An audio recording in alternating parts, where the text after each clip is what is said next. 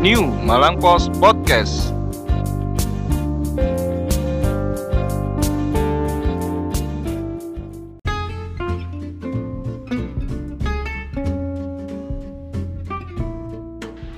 Ye, mendung Malang. Ini opening yang absurd, Bu.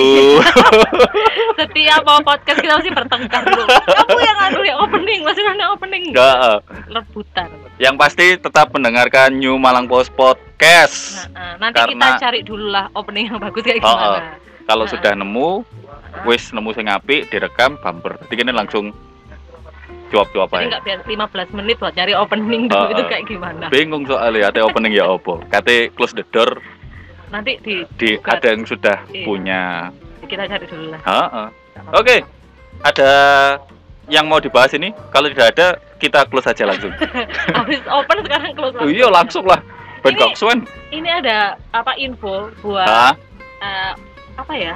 Nawak-nawak muda, was nawak-nawak muda, anak-anak muda, Kayak aku ya? Raya. Nggak, hah? Kayak aku. Masih muda? Aku sih enam loh. Oh, masa? aku sih enam. Percayalah. Aku sih enam. Masa? Heeh. Oh ya.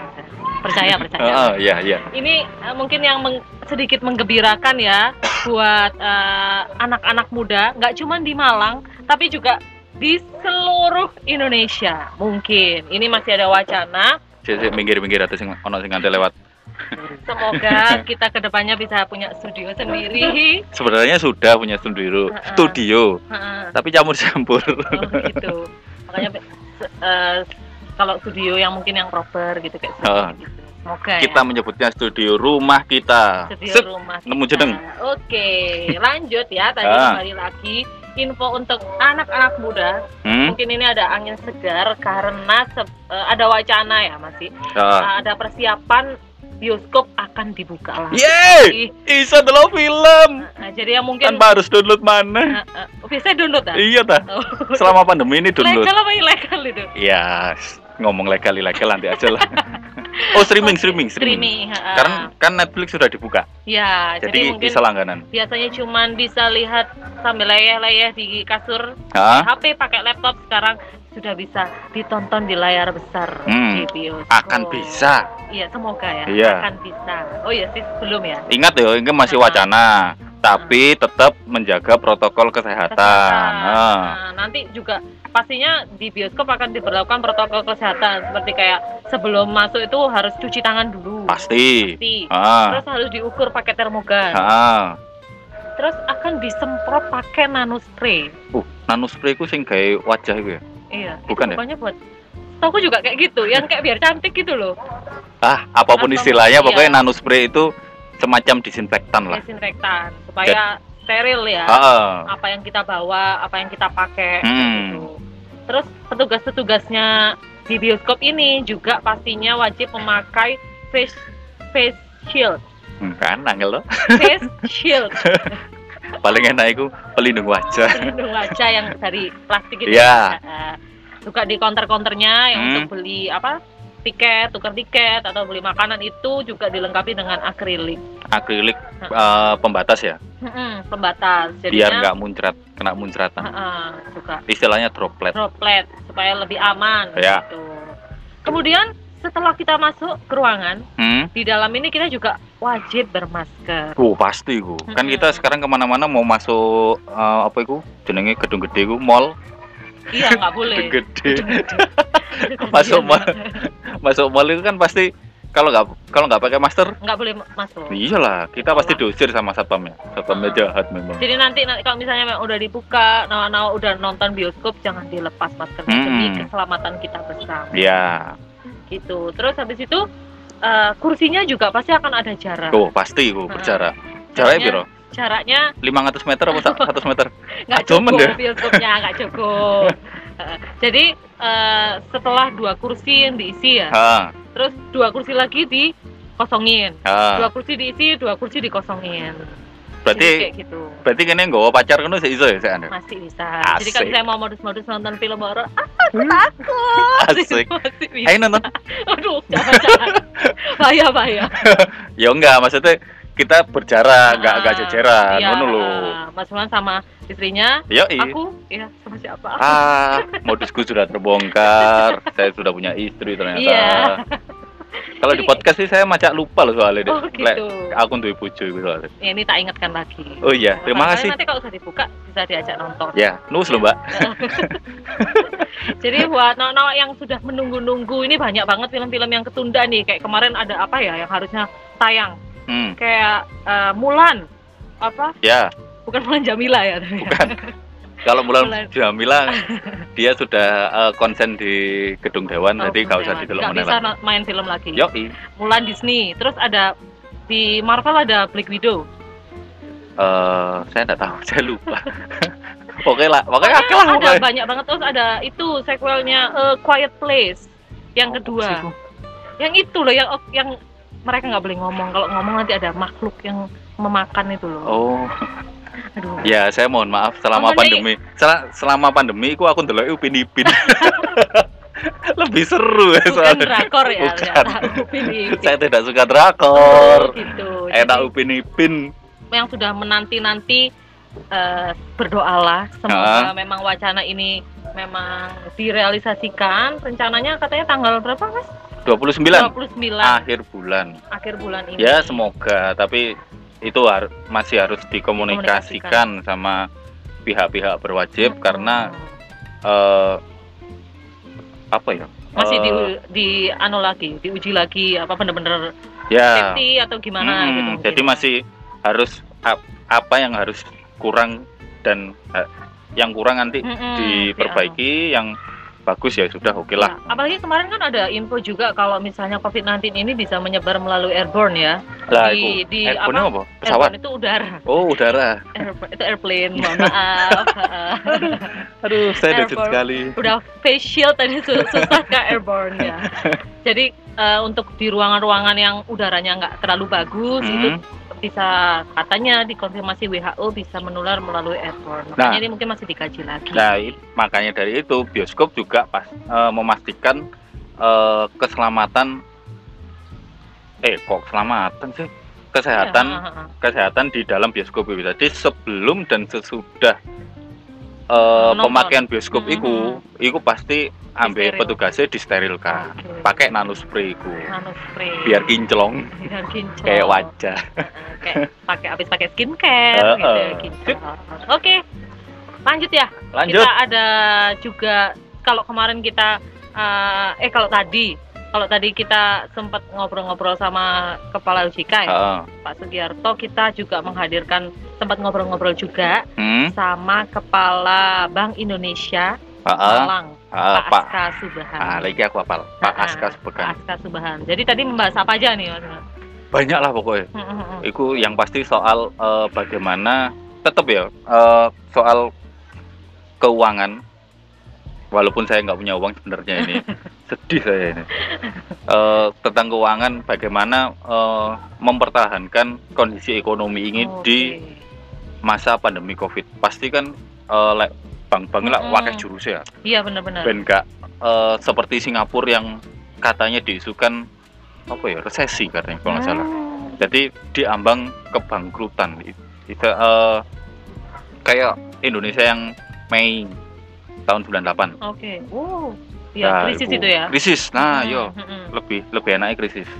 Jadi eh ya apa sih carane khususnya Malang Raya ya karena eh, Pak Aska Subgan ini kan kepala perwakilan Bank Indonesia cabang Malang. Malang. Hmm, Jadi dia membuat formulasi-formulasi khusus yang mempertahankan eh, perekonomian Malang ini ben gak ambruk. Biar nggak merosot, ah. tetap berjaya. Untuk lebih jelasnya Ah, ah. tadi sudah eh, Mbak Linda yang Sekarang tadi Mbak Linda sekarang Mbak Linda lagi karena memang dia wartawan ekonomi bisnis dan Ah. pendidikan jadi dia sing paham. Ambil suara sing lembut sing lemah gemulai. Suara Kayak cilik suara banget. aku. ah iya bener. Langsung Oke, ya wes Langsung. Mbak Linda monggo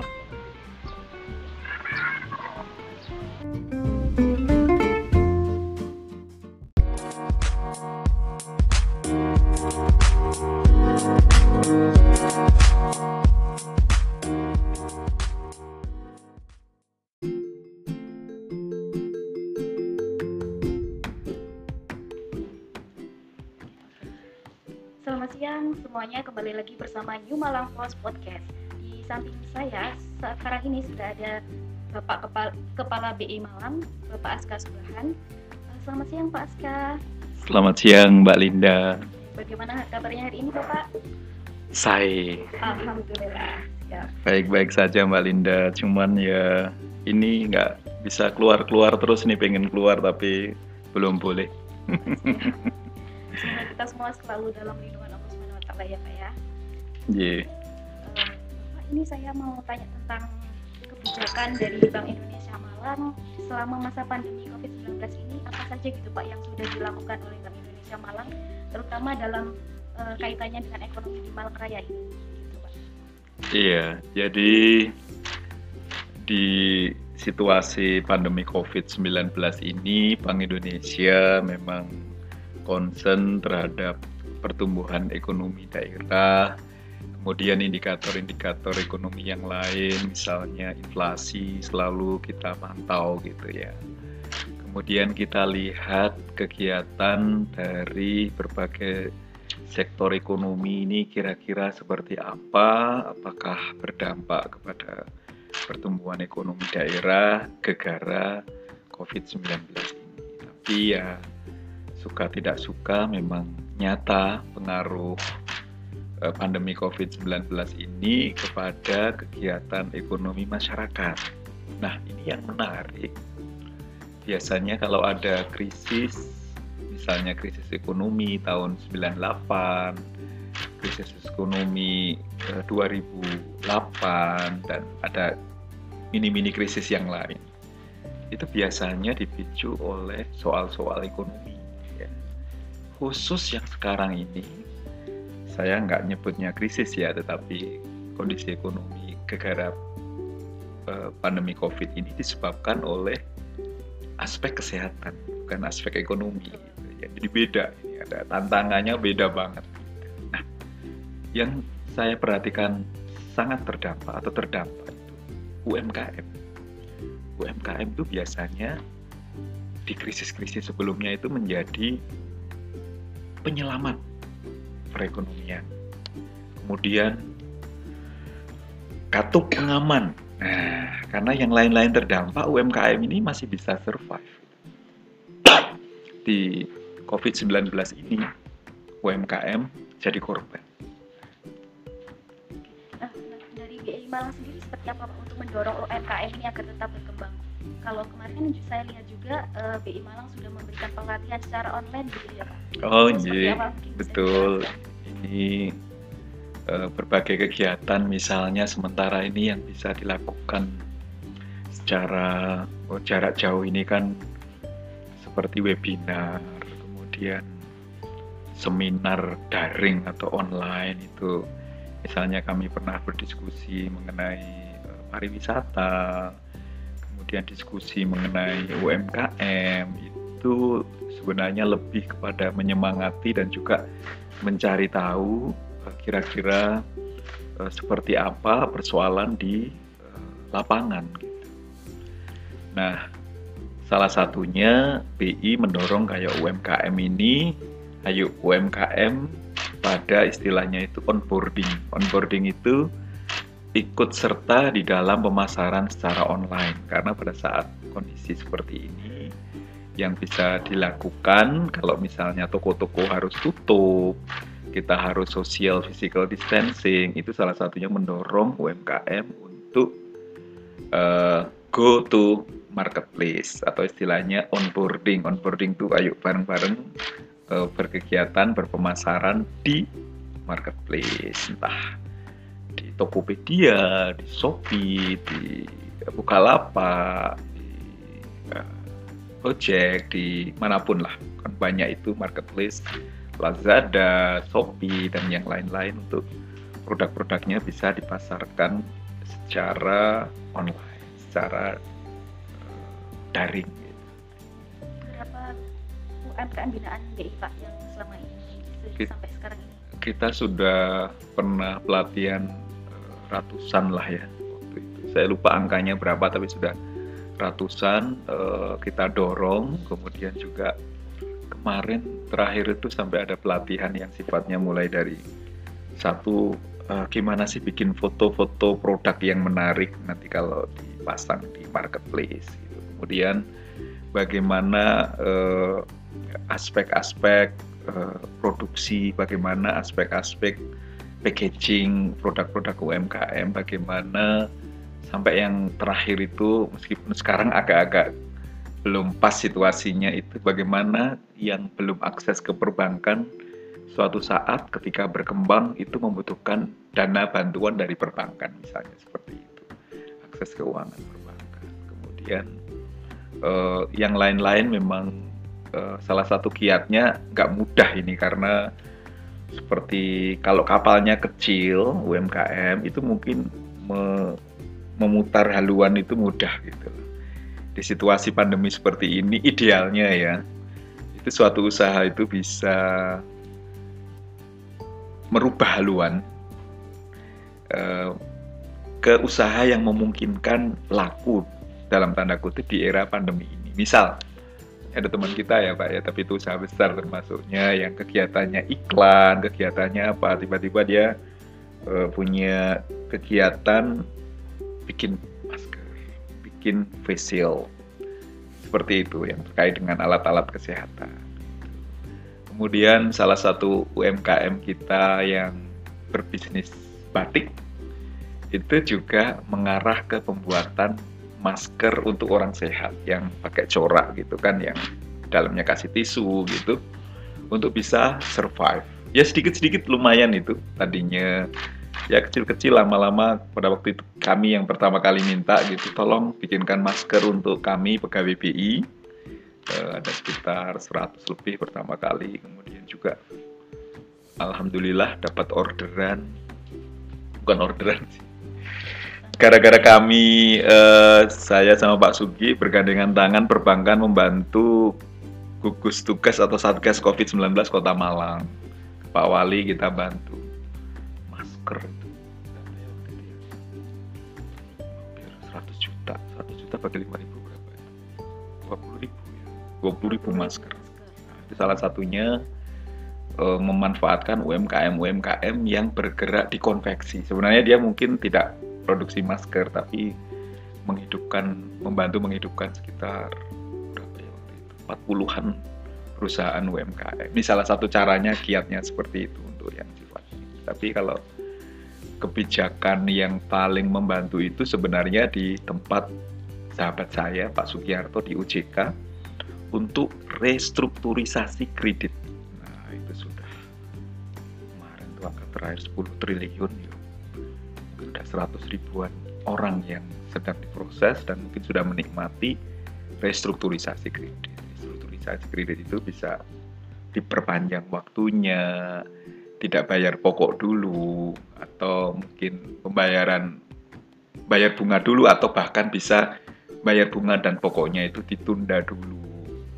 Eh, seperti itu kurang lebih. Tapi kalau nggak bayar sama sekali kayaknya nggak mungkin ditunda nanti ditunda seperti itu yang yang dilakukan oleh eh, pemerintah selain selain yang standar melalui pemerintah pusat, provinsi maupun kabupaten kota itu bansos. Nah, kalau bansos kan ya mengganti pendapatan yang kurang sehingga masih bisa makan lah kurang lebih seperti itu. Itu dari sisi.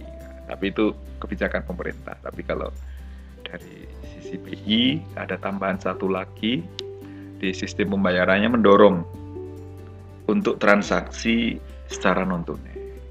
Bayarnya, belanjanya didorong untuk non tunai. Nah, nanti Mbak Linda tahulah Kris seperti apa Quick Response Indonesian Standard itu bisa yang istilahnya eh, tanpa tatap muka, tanpa harus ke ini tapi nanti bisa belanja apa, kemudian ada barcode-nya di handphone, kemudian diklik, nah, tinggal bayar.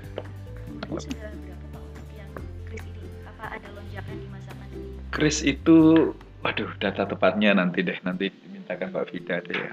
Eh, sudah mungkin sekarang sudah dulu-dulu sih sudah ratusan eh, puluhan ribu Bu. sekarang mungkin sudah berada di sekitar ratusan ya Kris Kris itu mudah-mudahan ya nanti kita cari datanya tepatnya tapi kurang lebih yang paling meningkat itu penggunaan kris gitu eh, untuk eh, transaksi non tunai. Selain kita juga menyarankan Pak Linda atau Bapak Ibu sekalian, teman-teman sekalian yang punya eh, internet banking, mobile banking, pakai transfer aja gitu loh, nggak usah pakai tunai itu salah satu eh, dorongan BI di masa pandemi ini. Termasuk please belanjanya online aja gitu kan. Sekarang di beberapa pasar sudah bisa belanja pakai WA ada yang pakai aplikasi misalnya lapak tap itu salah satu aplikasi untuk belanja yang pakai online atau daring gitu. nah, itu mungkin BI kurang lebih di situ mungkin bisa dijelaskan apa sih keuntungan dari penggunaan kris gitu bagi masyarakat biar eh, masyarakat juga ikut serta untuk menggunakan transaksi non tunai tersebut. Betul. Jadi kris itu diinisiasi dari transaksi apa pun yang berbasis QR code gitu. Mungkin eh, teman-teman sekalian sudah familiar ya dengan misalnya OVO, kemudian GoPay, ShopeePay, Link Aja, apalagi. Nah, yang pembayaran-pembayaran seperti itu yang biasa kita lakukan di toko-toko, di merchant-merchant, di eh, modern market, supermarket itu itu sama BI dibikinkan standarisasinya. Kalau suatu toko terimanya OVO saja, kemudian kita punya nyaling aja itu nggak ketemu. Harus harus punya aplikasi yang yang OVO juga misalnya yang sama. Nah, BI menstandarkan sehingga ketika suatu merchant, suatu toko sudah pasang kris, itu mau OVO, mau Link aja, mau GoPay, mau ShopeePay, yang lain-lain itu ditempelin bisa. Semuanya bisa. Jadi tidak perlu khawatir ataupun ribet gitu ya Pak. Betul. Jadi kalau punya apa gitu udah langsung, uh begitu kris, wah apa pun apa pun aplikasinya itu barcode-nya bisa dengan kris. Kalau dulu harus sama, harus dengan aplikasi yang sama. Itu kurang lebih keuntungan dari kris yang bisa dimanfaatkan masyarakat. Nah ini kita kalau kalau dari sisi masyarakatnya tetap aja dia mau pegang apa pun aplikasinya nggak masalah. Yang harus menyesuaikan itu merchantnya atau tokonya. Misalnya dia punya OVO gitu, nanti bilang ke OVO-nya lewat istilahnya itu OVO itu kita nyebutnya PJSP, perusahaan jasa sistem pembayaran. Tolong ini di, eh, OVO-nya OVO yang kris gitu. Sehingga nanti bisa dipakai untuk eh, aplikasi-aplikasi yang lain.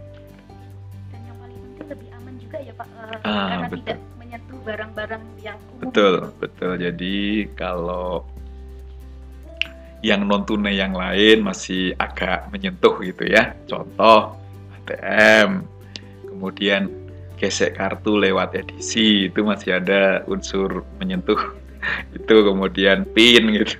Saya kadang-kadang kalau nggak ada hand sanitizer apa ya bawa ini tisu kadang. Saya tisu. Saya pencet di atas tisu tisunya dibuang gitu. Salah satu ini. Oh sorry sorry. Ini jadi di Malang ini kurang lebih sudah 70 ribu merchant toko. Oh, perusahaan lumayan itu lumayan agak cepat itu. Eh, mudah-mudahan nanti semakin ini semakin dikenal masyarakat kris ini jadi memang yang harus proaktif itu memang pedagangnya tokonya gitu sehingga dia eh, apa, eh, bisa menerima semua aplikasi. Eh, Pak Aska, terima kasih atas waktunya dan eh, memberikan kami kesempatan untuk berbincang di siang yang cerah ini. Saya terima kasih ini kepada New Malang Post gitu. Ini New Malang Post itu lahir di situasi new normal, tapi new normalnya diganti sekarang istilahnya ya. Karena salah dipersepsikan, salah persepsi orang-orang seperti new normal itu ya kembali normal gitu. Padahal tidak gitu. Harus ada social distancing, protokol kesehatan. Ini sekali lagi selamat kepada New Malang Post. Tetap sehat, tetap semangat dan sukses selalu. Amin.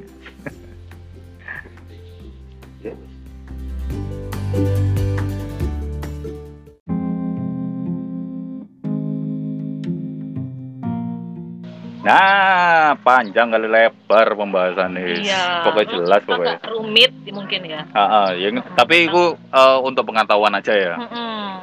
tentang kondisi Perekonomian. ekonomian. Hmm. Mm-mm. Kayak ini belajar ekonomi lah.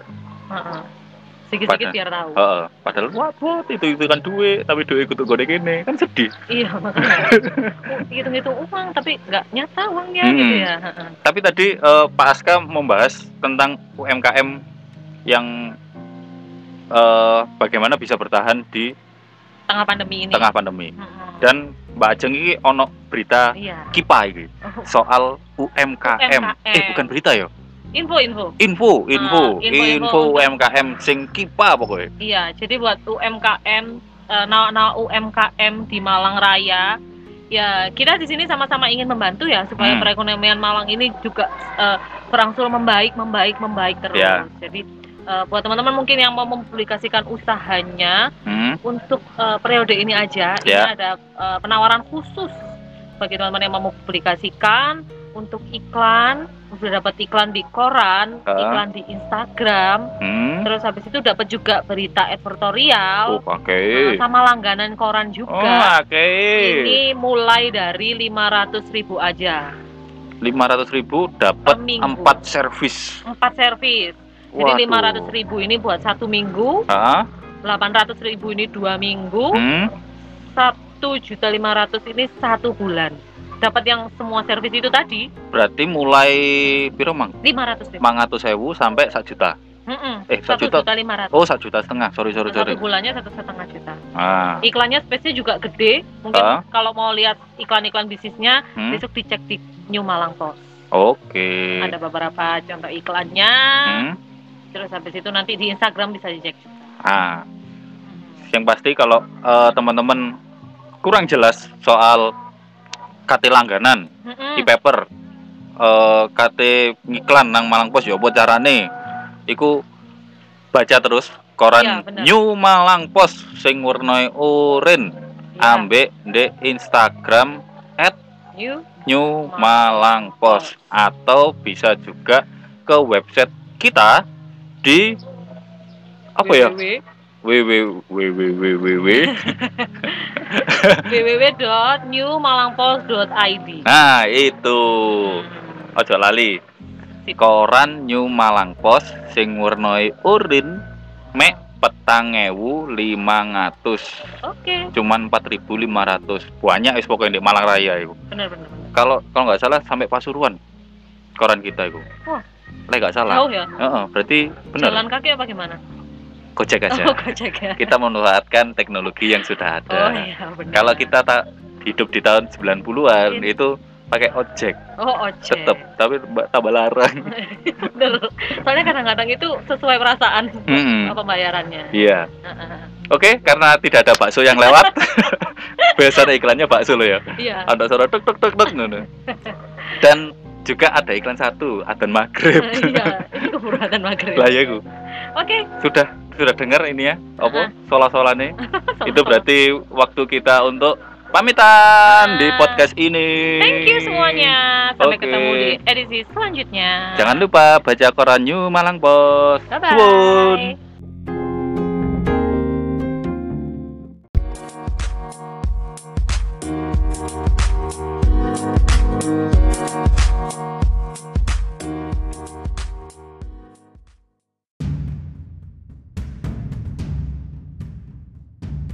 New normal, new era, new spirit, new Malang Pos.